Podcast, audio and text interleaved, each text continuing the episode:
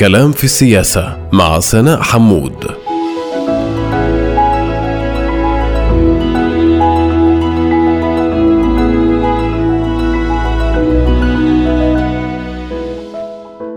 أهلا ومرحبا بكم مستمعاتنا ومستمعينا الكرام في حلقة جديدة من بودكاست كلام في السياسة الذي سنتناول في إطاره تحليلات معمقة بمنظور أوسع حول قضية هامة أو شخصية مفصلية تركت وقعها وأدت إلى تحولات لافتة في المشهد السياسي.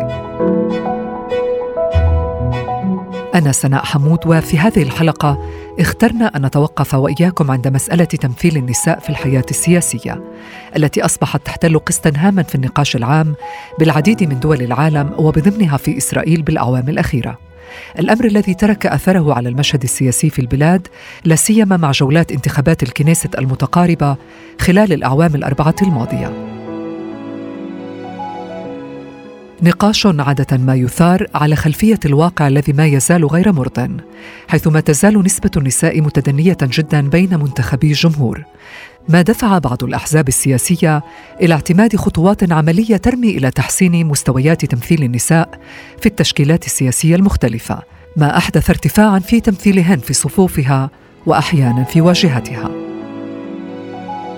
غير أن هذا الاتجاه لم ينسحب على الأحزاب العربية في الكنيست التي وفي ذروة تمثيلها بخمسة عشر نائبا في أيلول سبتمبر عام 2020 أفردت أربعة مواقع للنساء لديها لا أكثر واليوم استطلاعات الرأي العام التي تتوقع تراجعا عاما في تمثيل النواب العرب في الانتخابات الوشيكة في تشرين ثاني نوفمبر القادم لن يتجاوز التمثيل النسائي لديها أكثر من نائبتين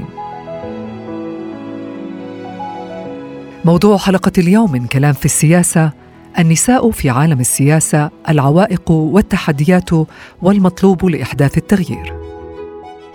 ولفهم هذه القضية الهامة وما يترتب عليها في الحيزين العام والخاص يسعدني أن أرحب في هذا الحوار بضيفتين هما المحاضرة والباحثة في العلوم الاجتماعية ومديرة وحدة البحوث في المنتدى الاقتصادي العربي دكتورة مها كركبي صباح والنائبة السابقة عن القائمة المشتركة من قبل الحركة العربية للتغيير السيدة سندس صالح.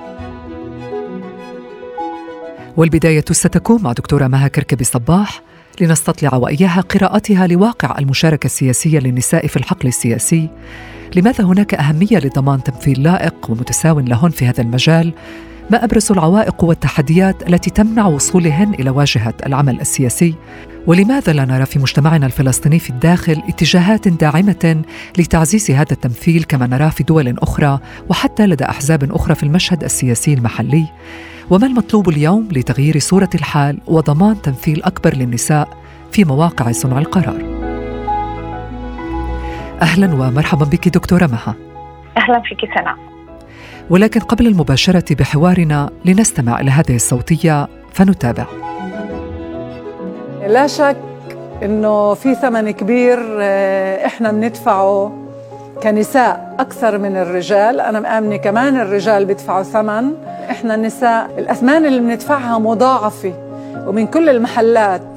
بمثل صوت المستضعفين والمستضعفات. إذا كان من ناحية طبقية إذا كان من ناحية قومية إذا كان من ناحية جندرية. واللي بعطيني الأمل هو كل امرأة و... ورجل بلاقوني بالشارع وبقولوا لي يعطيك العافية كملي. هذا اللي بعطي الأمل. واحدة من القضايا اللي أنا طارحتها وبشتغل عليها. تعويض وأجور للنساء العاملات داخل المنزل. أنا مسميهن عاملات في داخل البيت وموجودات في داخل البيت بيهتموا إن كان في, في الأطفال ولا في الحياة العائلية. ضروري إنه يكون في ضمان لحياة كريمة وإنه يكون في لهم مخصصات خاصة.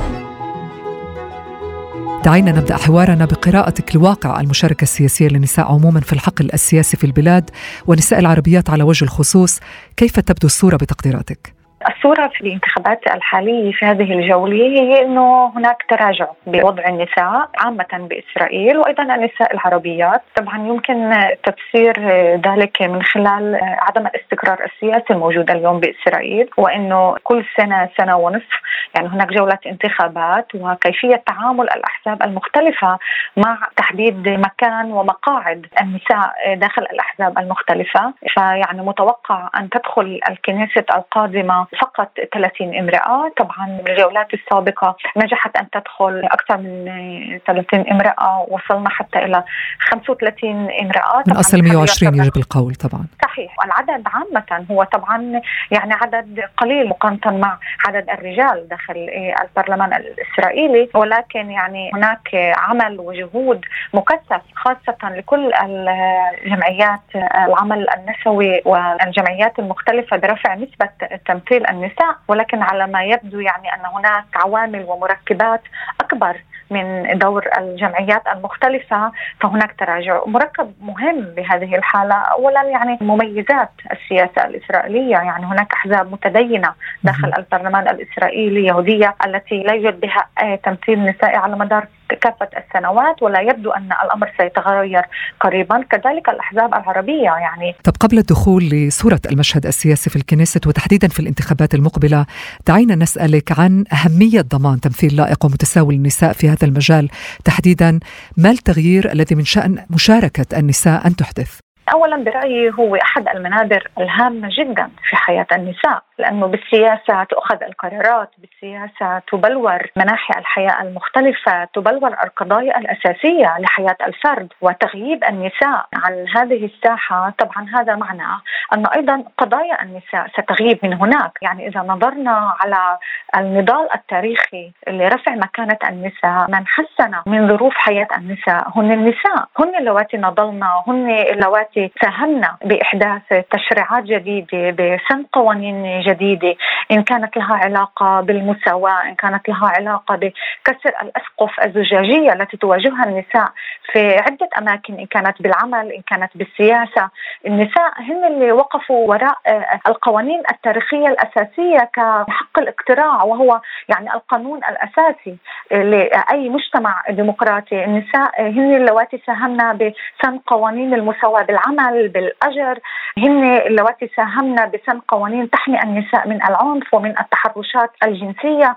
غياب النساء يعني بنهاية الأمر أن هذه هي القضايا التي تعاني منها الكثير من النساء لن يكون من يدفعها إلى الأمام. وبالتالي يعني هناك تأثير ولكن التأثير هو ليس فقط على حياة النساء. وهنا يعني أنا أيضا أريد أن أشدد يعني النساء عامة يطالبن بالمساواة بشكل عام بين كافة المجموعات وتناضل وتطالب بتحسين مكانة كل الفئات المهمشة.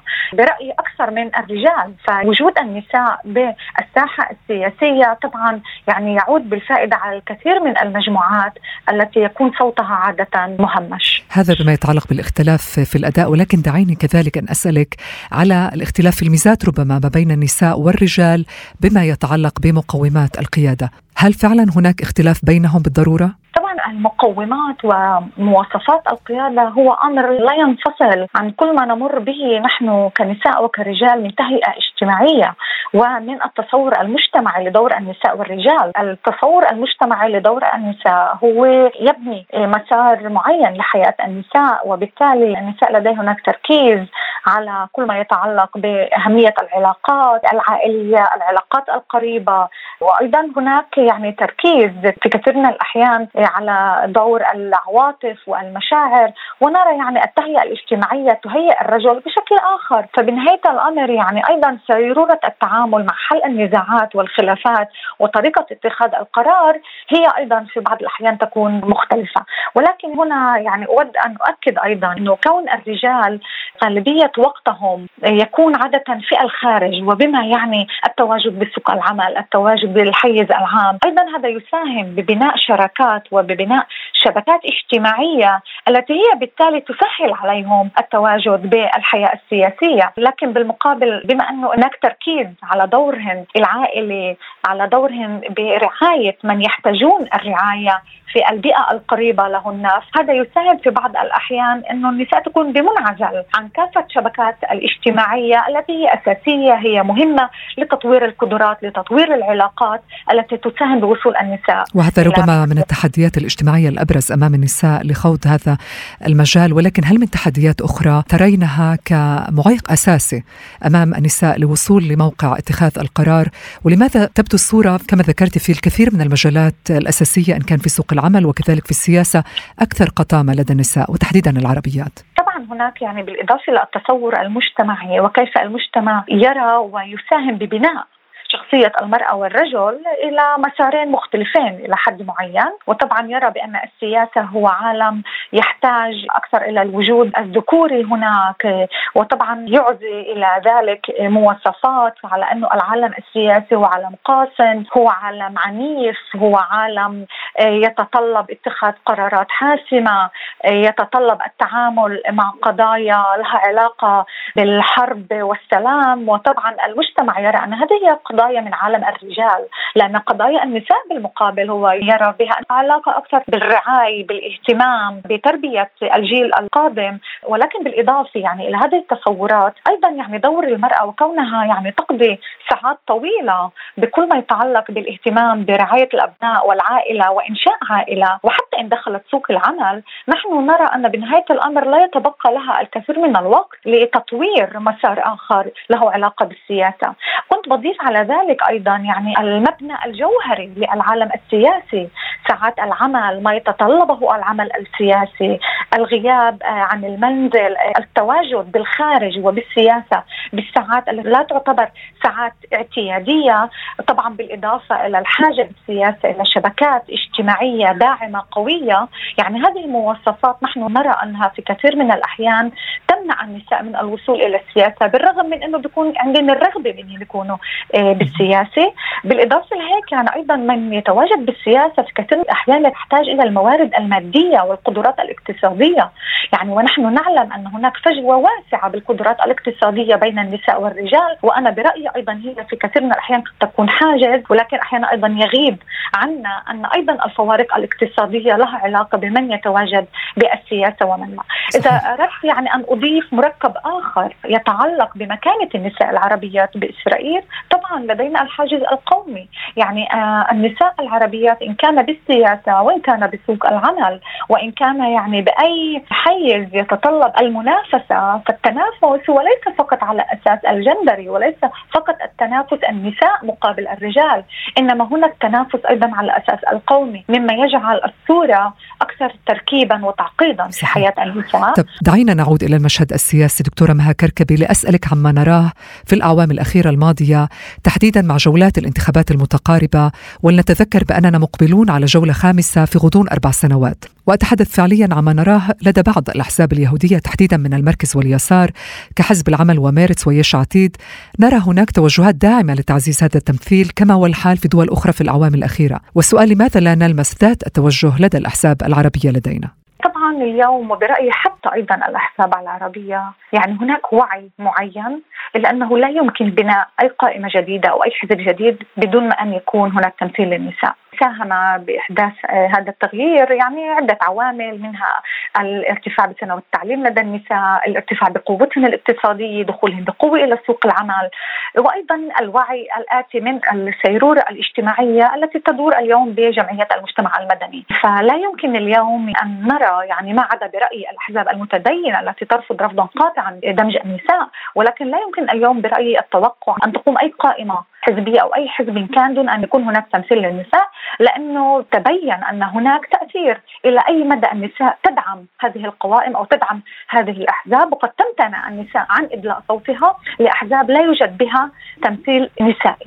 ولكن أنا برأيي هذا طبعا له الأثر اليوم على تركيبة الأحزاب المختلفة ولكن يعني دعينا لا ننسى يعني أنه مكانة المرأة اليهودية بالرغم من التشابه مع مكانة المرأة العربية ولكن هناك أيضا فروقات وهناك لديها باع طويل بالسياسة أكثر بكثير من المرأة العربية. هذا لا يفاجئ أن هناك يعني نساء يهوديات اليوم يتصدرن القائمة. ولكن إذا نظرنا إلى حزب الليكود على سبيل المثال فنرى يعني أنه بالعشرة الأوائل توجد فقط امرأة واحدة وهذا برأيي أيضا تراجع صعب للنساء اليهوديات. فدعيني أقول أن الصورة مركبة ولكن طبعا الأحزاب التي هي أكثر تميل إلى اليسار هذه هي أحزاب أيضا لديها فكر أكثر ليبرالي متحضر ويهمها الليبرالية تشمل كافة مناحي الحياة ومنها المساواة بين الرجال والنساء. ولابد من التأكيد هنا دكتورة مها أيضا آه، على محورية الذهنية الحربية والذكورية في العمل السياسي في البلاد وأهمية السجل العسكري للمرشحين تحديدا ممن ينجحون في تبوء واجهة هذه الأحزاب. طبعا طبعا المبنى السياسي للدولة والخلفية التاريخية للمنطقة موضعت موضوع الأمن والقوة العسكرية في المركز. وحول ذلك يعني تدور السياسة يدور الاقتصاد وأيضا تدور العائلة والمجتمع اليهودي. لا يمكن فصل هذه السياقات. عن ما يدور داخل الأحزاب من منطلق المساواه الجندرية، فطبعا بما أنه القوة العسكرية وعامل الأمن الشخصي والأمان هو أساس الحياة في دولة إسرائيل في المجتمع اليهودي، فطبعا سيبقى من يتصدر القائمة هم رجال سياسة مع خلفية سياسية، بالرغم من أنه مش بالضرورة يكون رجل عسكري بارز، ولكن دائما نرى أن هناك أحزاب اليهودية العسكرية تتهافت إلى إدراج شخصية عسكرية معروفة داخل الصفوف الأولى لكي ترسل بهذه الطريقة رسائل إلى جمهور ناخبيها أن موضوع الأمن موضوع العسكري هو في جوهر الأيديولوجيا الحزبية لديها. طبعا برأيي هذا عائق كبير أمام الكثير من النساء اليهوديات وبرأيي هذا يؤثر أيضا على المشهد العام للسياسة الإسرائيلية. طب لو عدنا لتجارب النساء العربيات في السياسة تحديدا في الكنيسة كيف كنت تقيمي تجاربهن بشكل عام؟ أسأل لأننا عادة لا نرى استدامة لهن في المنصب كزملائهم. من الرجال أو قلما رأينا معاودتهن للتجربة ربما باستثناء حالات قليلة معدودة. أليس كذلك؟ تجربة النساء العربيات بالسياسة القطرية برأيي هي كانت دائما وستبقى حسب رأيي حتى في المستقبل القريب رهينة التداول المكثف بالقضايا السياسية ومكانة الأقلية الفلسطينية في إسرائيل هي أيضا رهينة للتداول بكل ما يتعلق بالصراع الإسرائيلي الفلسطيني فيعني عندما يكون هذا هو مركز السياسة ومركز الخطاب السياسي طبعا هذا يهمش جانبا قضايا قضايا أخرى. قضايا أيضا هي قضايا اجتماعية جدا هامة كالمساواة بين الرجال والنساء، تحسين مكانة النساء، القضايا التي تتعلق بحياة النساء، فبرايي الثمن الذي يدفع المجتمع عامة وليس فقط النساء، أنه بنهاية الأمر هذه القضايا المركزية التي هي فقط من يسيطر على الخطاب العام السياسي هي بنهاية الأمر تسبب إلى التعامل مع المجتمع الفلسطيني على أنه هو كرزنه واحدة ولكن واقعنا هو ليس رزمة واحدة، واقعنا جدا مركب. وهناك فروقات. إن كانت على أساس جندري وإن كانت على أساس انتماءات جغرافية، انتماءات طبقية، ولكن برأيي يعني كوننا نعيش بواقع سياسي له خلفيات تاريخية وسياسية معقدة برأيي النساء العربيات يدفعن هذا الثمن. بالنسبة لما يدور اليوم بخصوص النساء أولا يعني فشل المشتركة. التشرذم السياسي الداخلي داخل المجتمع أيضا تدفع ثمن النساء، لأنه المرة الأولى التي دخلت فيها أربع نساء إلى البرلمان الإسرائيلي هي كانت عندما نجحت المشتركة بأن تجند غالبية المجتمع العربي بالخروج إلى التصويت، صحيح أن هناك كانت أسماء النساء درجت في أماكن بالبداية غير مضمونة، ولكن كونها أيضا نجحت بإقناع المجتمع العربي بالخروج إلى التصويت هذا ساهم أيضا بالتالي فقط التذكير نتحدث عن شهر أيلول 2020 وتبوء أربع نساء من أصل صحيح. 15 نائب في إطار القائمة المشتركة صحيح ولكن أنا برأيي لن نرى هذا المشهد مجددا في المستقبل القريب بسبب التشرذم الداخلي السياسي اليوم للمجتمع العربي فعندما تكون هناك يعني شروخات سياسية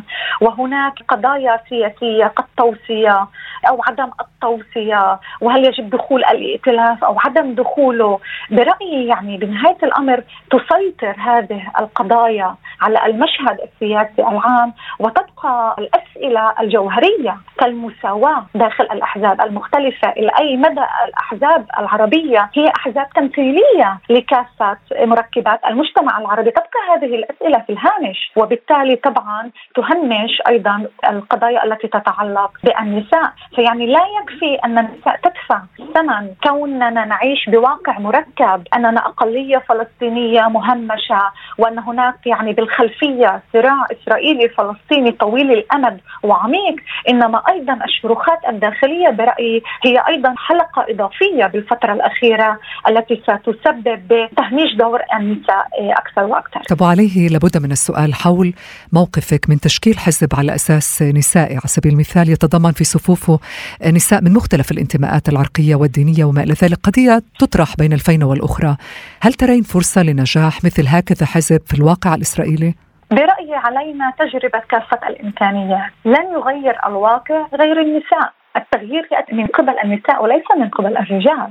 وبرأيي إنشاء تجربة جديدة كتلك إقامة حزب تترأس امرأة عربية أنا برأيي هذا أمر مطلوب. حتى إن كانت هناك صعوبات كبيرة على الطريق بإنشاء كذلك مسار ولكن أنا برأيي علينا خوض هذه التجربة. التحديات قد تكون ليست فقط سياسية ولكن قد تكون هناك أيضا تحديات اقتصادية كما ذكرت. يعني إنشاء مسار كهذا عند الرجال في كثير من الأحيان الرجال يعتمدون على قوتهم الاقتصادية التي تساهم بتأسيس كتلك مسارات. كما ذكرت يعني بسبب أيضا الفوارق الاقتصادية بين النساء والرجال في كثير من الأحيان أيضا هذا قد يكون يعني حاجز وعائق ولكن يعني برأيي آن الأوان خاصة إنه إذا نظرنا إلى التغيرات التي تدور اليوم بحياة النساء كالتعليم والثقافة ودخول سوق العمل وتبوء يعني مراكز مرموقة بسوق العمل وبالمجتمع عامة فبرأيي للنساء اليوم هناك الكثير من المقومات التي تؤهلهن انهم يدخلوا السياسة من بابها الواسع، ولكن يبقى إلى أي مدى نحن اليوم نعيش بمجتمع يرى بهذه الظاهرة على أنها ضرورية وحيوية، هذا يبقى رهن التجربة. صحيح. طيب نسألك إذا بسؤال أخير عن المطلوب اليوم لتغيير صورة الحال وضمان تمثيل أكبر للنساء في مواقع صنع القرار بشكل عام وتحديدا في الحيز السياسي. هناك إحدى الطرق لضمان دخول النساء السياسة هي طريقة التمثيل المضمون، يعني طبعا هذه الطريقة تتبع بالكثير من المناحي الحياتية كسوق العمل، بالمؤسسات المختلفة، ب... وأيضا بالسياسة، طبعا هي طريقة تضمن دخول النساء إلى حد معين وتمثيل المجموعات المهمشة والتي تعاني من عدم المساواة على مدار السنين. تحسين الأماكن أو ما يسمى بالكوتا فعليا. صحيح تكون المرأة بمكان مضمون يضمن دخولها لتمثل آه، شريحة النساء. ولكن هذا يأخذني إلى نقطة أخرى سناء وهي إلى أي مدى هذا التمثيل؟ هو تمثيل صوري أم أنه تمثيل جوهري؟ وهذه نقطة جدا جدا هامة. ليست كافة النساء اللواتي دخلنا السياسة إن كنا يهوديات أو حتى عربيات ساهمنا بتقدم القضايا النسوية أو ساهمنا بإحداث تغيير جوهري من خلال وجودهم بالسياسة بالقضايا التي تتعلق بحياة النساء.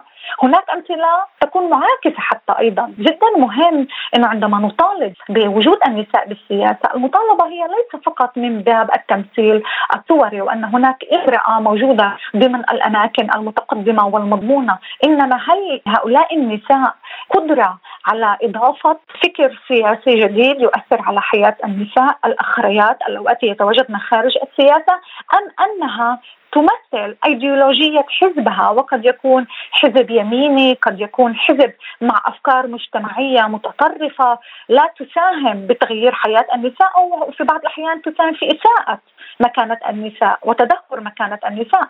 هذه نقطة جدا أساسية إلى ماذا نحن نطمح؟ وأنا برأيي طبعا يجب أن نطمح إلى التمثيل النسوي في السياسة ولكن أيضا علينا أن نطالب بأن التمثيل يجب أن يكون جوهري وليس فقط تمثيل صوري.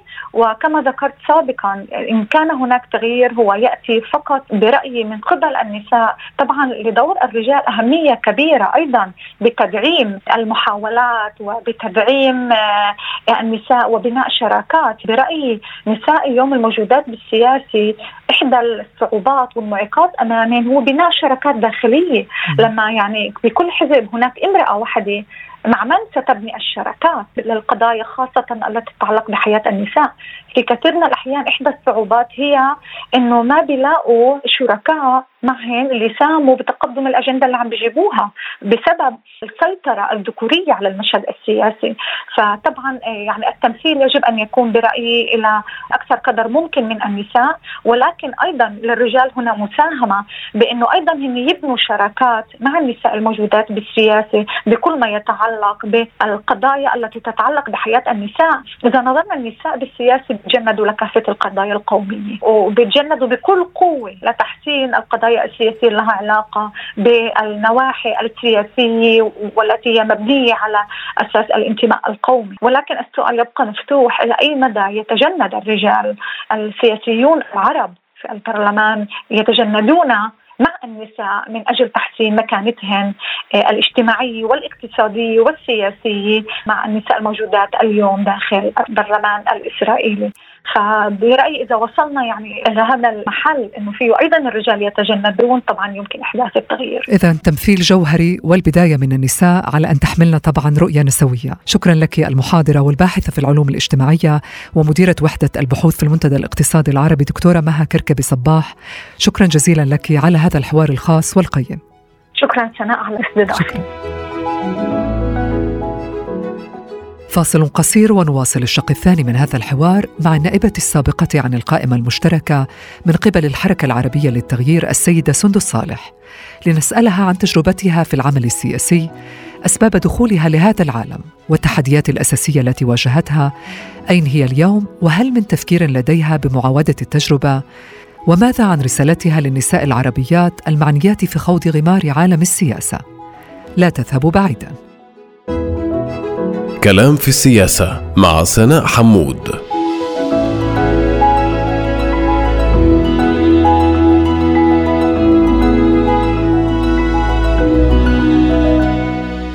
أهلا ومرحبا بكم مجددا في كلام في السياسة. أنا سناء حمود ومعي النائبة السابقة عن القائمة المشتركة السيدة سندس صالح. لمتابعة حوارنا حول النساء في عالم السياسة العوائق والتحديات والمطلوب لإحداث التغيير. أهلا ومرحبا بك سيدة سندس أهلا عزيزتي سناء لك ولجميع المستمعين والمستمعات. دعينا بداية أن نبدأ وإياك بالعودة عامين إلى الوراء لنرصد تجربتك البرلمانية التي استمرت لحوالي العام بأثر رجعي. كيف كنت تقيميها اليوم؟ تجربتي في الكناسة بالنسبة لي هي مرحلة مفصلية جدا في حياتي وهي نقطة تحول كذلك الأمر تجربة جدا عميقة ولها تحدياتها طبعا هي عميقة بالشقين الإيجابي وأيضا تحديات هي تجربة ما كانت سهلة بمفهوم ملتزمات ومتطلبات الوظيفة الالتزامات للناس للجمهور. أن تكون متاح 24 ساعة تقريبا بتوقعات الناس. هذا مطلب مش سهل وخاصة من النساء. لكن أهم ما في هذه التجربة هو العمق المهني أن نكون جزء فعال وشريك جدا في اتخاذ قرارات المختلفة وفرصة بأن نكون قريبات أكثر لطاولة مفاوضات النقاشات المهنية في شتى المجالات مجالات التربية والتعليم المجالات السياسية الثقافية الصحية. كانت أيضا فترة كورونا هذا البعد المهني هو جدا أساسي بالنسبة لي في تجربتي في أنه أنكشف على هذا العالم كيف تتخذ القرارات وماذا يؤثر على متخذي ومتخذات القرارات في الكنيسة طيب دعينا نعود إلى الوراء لنسألك عندما تم التوجه إليك فعليا من قيادة الحركة العربية للتغيير آنذاك هل كان هناك تردد من قبلك بشأن خوض التجربة من عدمها أم موقف واضح ورؤية واضحة بشأن رغبتك لدخول هذا المجال؟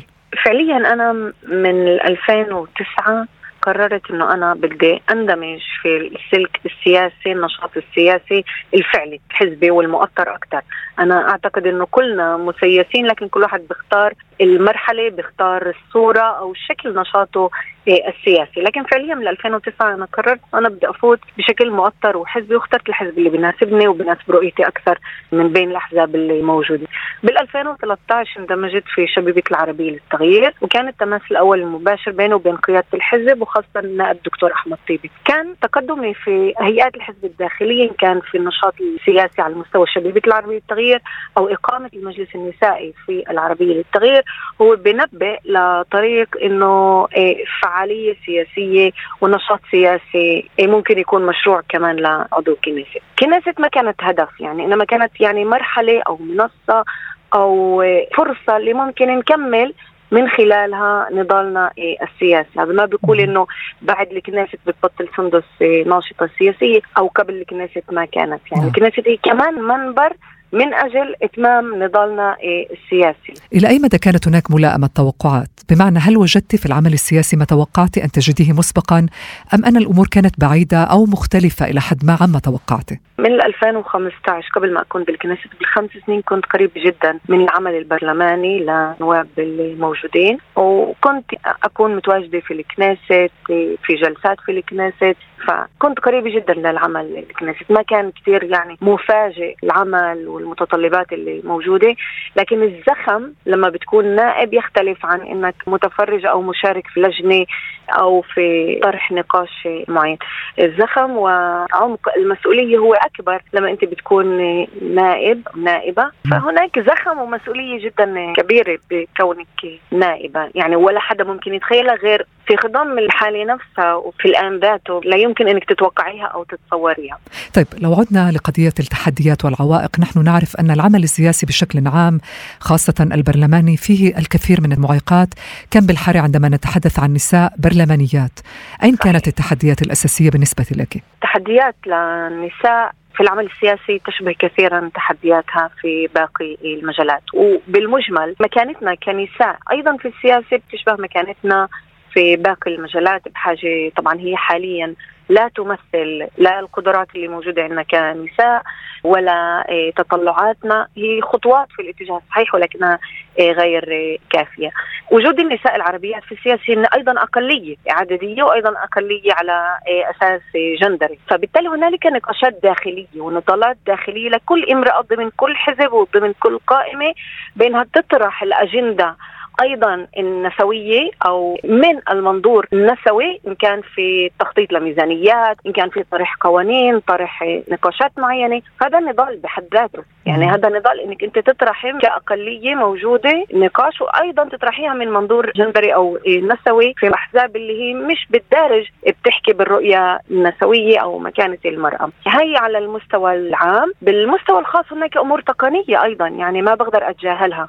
أنا أم وعندي أطفال في البيت وكانت سنة كورونا كان تحديات تقنية جمة في إيجاد أطر مناسبة. طبعا كان عندي مساندة من الأهل من الزوج في البيت لكن ما كان في أي طرف ممكن يعبي كل الفراغ اللي نشأ عند أطفالي خاصة نحكي على أطفال يعني كانوا عشر سنين تسع سنين سنتين إيه كرمل على سيرة الأطفال إلى أي مدى العائلة بشكل عام وتحديدا أطفالك بالرغم من صغر سنهم طبعا تقبلوا فكرة وجودك في الحيز العام الذي يأتي معه الكثير من الدعم والالتفاف الجماهيري وكذلك الانتقاد؟ كيف تقبلوا الأمر؟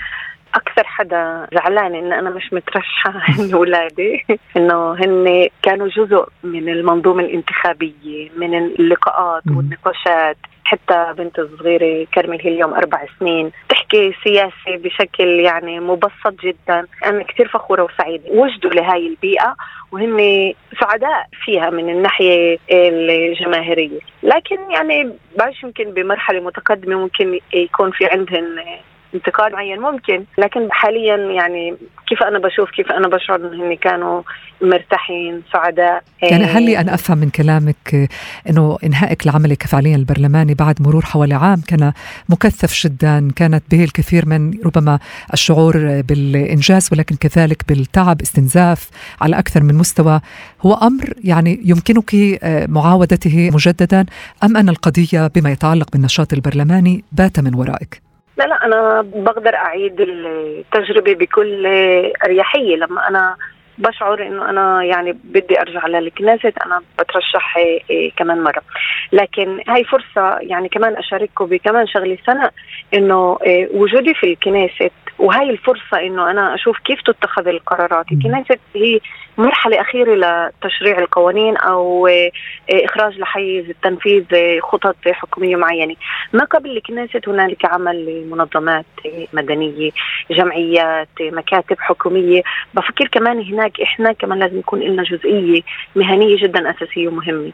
عشان أنا بطلع كفرصة هاي يعني أتيحت إلي يا ريت تتاح لكثير من النشطاء والنشطات نساء ورجال على حد سواء إنه كيف تتخذ القرارات وكيف ممكن نعمل خطوة للوراء ونكون جزء من برنامج إن كان على المستوى التعليمي، الثقافي، الاقتصاد، العنف والجريمة، مكانة النساء، قضايا عديدة لما هاي كيف تترجمين ذلك في حياتك اليوم سندس؟ يعني هل أنت ناشطة اليوم في مجال العمل الاهلي أم في مسارات أخرى؟ لأنه وفقا لما أذكر أنت قدمت إلى العمل السياسي من المجال التكنولوجي والعلمي، أليس كذلك؟ أنا اليوم موجودة في مجلس إدارة مركز منى الهايتك في المجتمع العربي وأيضا مركز هيشل للاستدامة البيئية إيه، موضوع البيئة مثلا على سبيل المثال هو موضوع اللي أنا لمست فجوات عميقة جدا بين المجتمع العربي والمجتمع الإسرائيلي عامة والعالمي عامة.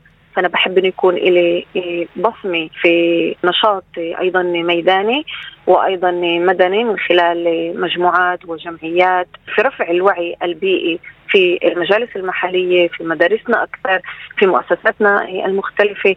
فهذا لمسته من خلال عملي في الكنيست من خلال المعطيات اللي انكشفت عليها في الكنيست فخطوة إلى الوراء هي إنه أنا أندمج أكثر في مؤسسات وأجيب الرؤيه المجتمع العربي إلى داخل هذه المؤسسات وأيضا عمل هذه المؤسسات إلى المجتمع العربي. بما أننا بصدد تقييم التجربة، ما الإنجاز الأبرز الذي تعتزين به من تلك الفترة ما بين عام 2020 و2021 خلال عملك كنائبة في الكنيست؟ بداية آه، ترأست آه، لجنة فرعية آه، لجنة العدل البيئي والاجتماعي اللي بتناقش توزيع الموارد العادل عن العدل. يعني بنحكي أنا أقل بحكي عن المساواة بحكي عن العدل أكثر عن العدل. لأنه بشوف حتى المساواة أحيانا بتضر بالفئات المستضعفة.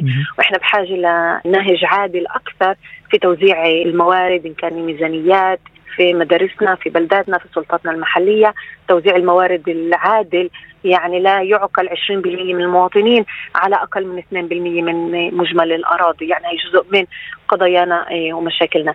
هاي اللجنة كثير مهمة وأنا بوصي في القوائم العربية اللي إن شاء الله بتخوض نسبة الحسم إنه كثير مهم يكون عندنا لجنة بتبحث العدل التوزيعي في الموارد في شتى المجالات. هذا يعني جدا كان أساسي ومهم في عملي طبعا إلى جانب القوانين اللي نجحت في سنها ثلاث قوانين إلى جانب النائب إيه، أسامة السعدي والنائب دكتور أحمد طيبي تقاضي أيام الحجر الصحي إعادة رخصة السياقة للمدينين في دائرة الإجراء. كنت كمان شريكة في عدة قوانين اللي بس طرحت للقراءة الأولى للأسف لأنه كانت مدة جدا قصيرة. بالإضافة إلى ذلك كنت يعني أول عضو كنيسة نائب عربية في لجنة العلوم والتكنولوجيا. ومن خلال هاي اللجنة طرحنا التحديات والمعيقات أمام الطالب والطالبة العربيات. كل الوقت كان هنالك تفكير نمطي مقولب أنه الطالب العربي والطالب العربية بيبعدوا عن تعليم ال high-tech. لا هنالك أسباب لعزوف الطالب العربي والطالبة العربية عن تعلم ال high-tech. تتعلق بالبعد الجغرافي عن مراكز ال high-tech اللي موجودة في مركز البلاد بينما إحنا أكثر من 60% في شمال البلاد. تتعلق بطريقة توجه شركات الهايتك للمجتمع العربي تتعلق بالمناطق الهايتك اللي نفتقرها في المجتمع العربي نعم. ففي كثير أسباب اللي من ضمنها سياسية وأيضا جغرافية وأيضا اجتماعية بالسؤال الأخير إذا أمكن عن رسالتك للنساء العربيات المعنيات بخوض تجربة العمل السياسي على اختلاف أشكاله إن كان انتخابات الكنيست أو السلطات المحلية القادمة يعني ما أهم التوصيات التي يمكنك تزويدهن بها من تجربتك الخاصة؟ اولا نسائنا في المجتمع العربي طاقة رائعة ومميزة جدا ومهنية. فكر إحنا كنساء بنتطلب من أنفسنا درجات عالية من المهنية عشان نبلش مسارات معينة. وبفكر إنه إحنا ما لازم نتهاون في أنفسنا كنساء وكنساء عربيات وبالعكس إنه إحنا نعطي أنفسنا فرصة وأنا متأكدة في كل فرصة سانحة إحنا بنستثمرها ونستغلها صح. النساء العربيات بتبدع وإحنا شايفات يعني مجموعة النساء في مناصب مختلفة إن كان مهندسات باحثات قاضيات فنانات في المجال الرياضي. في كل مجال في عنا كوكبة من النساء المميزات بدهشوا في أدائهن وفي تقدمهن. وأيضا العمل السياسي المجال السياسي هو مش مجال حتى لو بحاولوا يصوروه كمجال ذكوري هو مجال إحنا ممكن نعمله مجال مهني. كل امرأة هي ممكن توجد بعد مهني إيه، نسوي اجتماعي ثقافي. اقتصادي من المجال اللي هي موجودة فيه وتضيف للعمل السياسي والعمل السياسي بحاجة لنساء مهنيات من المجتمع العربي. بنقصنا شوي مبادرة وما ننتظر لا من أحزاب ولا من رجال يصنعوا إلنا هاي الفرصة بالعكس نقتنص ونبني الفرص. يعني أنا كإنساني بنيت هاي الفرصة لمدار عشر سنين من 2009 لل 2019 أنا كان عندي قرار بال 2009 أن أنا بدي أكون في الكنيسة كجزء من سيرورة العمل النضالي وكنت في هذا المشروع. فهي توصياتي إنه إحنا قادرات وقويات وبنقدر. ونحن نضم طبعا صوتنا إلى صوتك ونشكرك جزيل الشكر النائبة السابقة شكرا. عن القائمة المشتركة من قبل الحركة العربية للتغيير السيدة سندس صالح على هذا الحوار الخاص والشائق كذلك. شكرا جزيلا لك. شكرا عزيزتي طبعا كان هذا كلام في السياسة. شكرا لكم مستمعاتنا ومستمعينا الكرام على حسن الاستماع. أطيب التحيات لكم أينما كنتم. دمتم بكل خير. كلام في السياسة مع سناء حمود.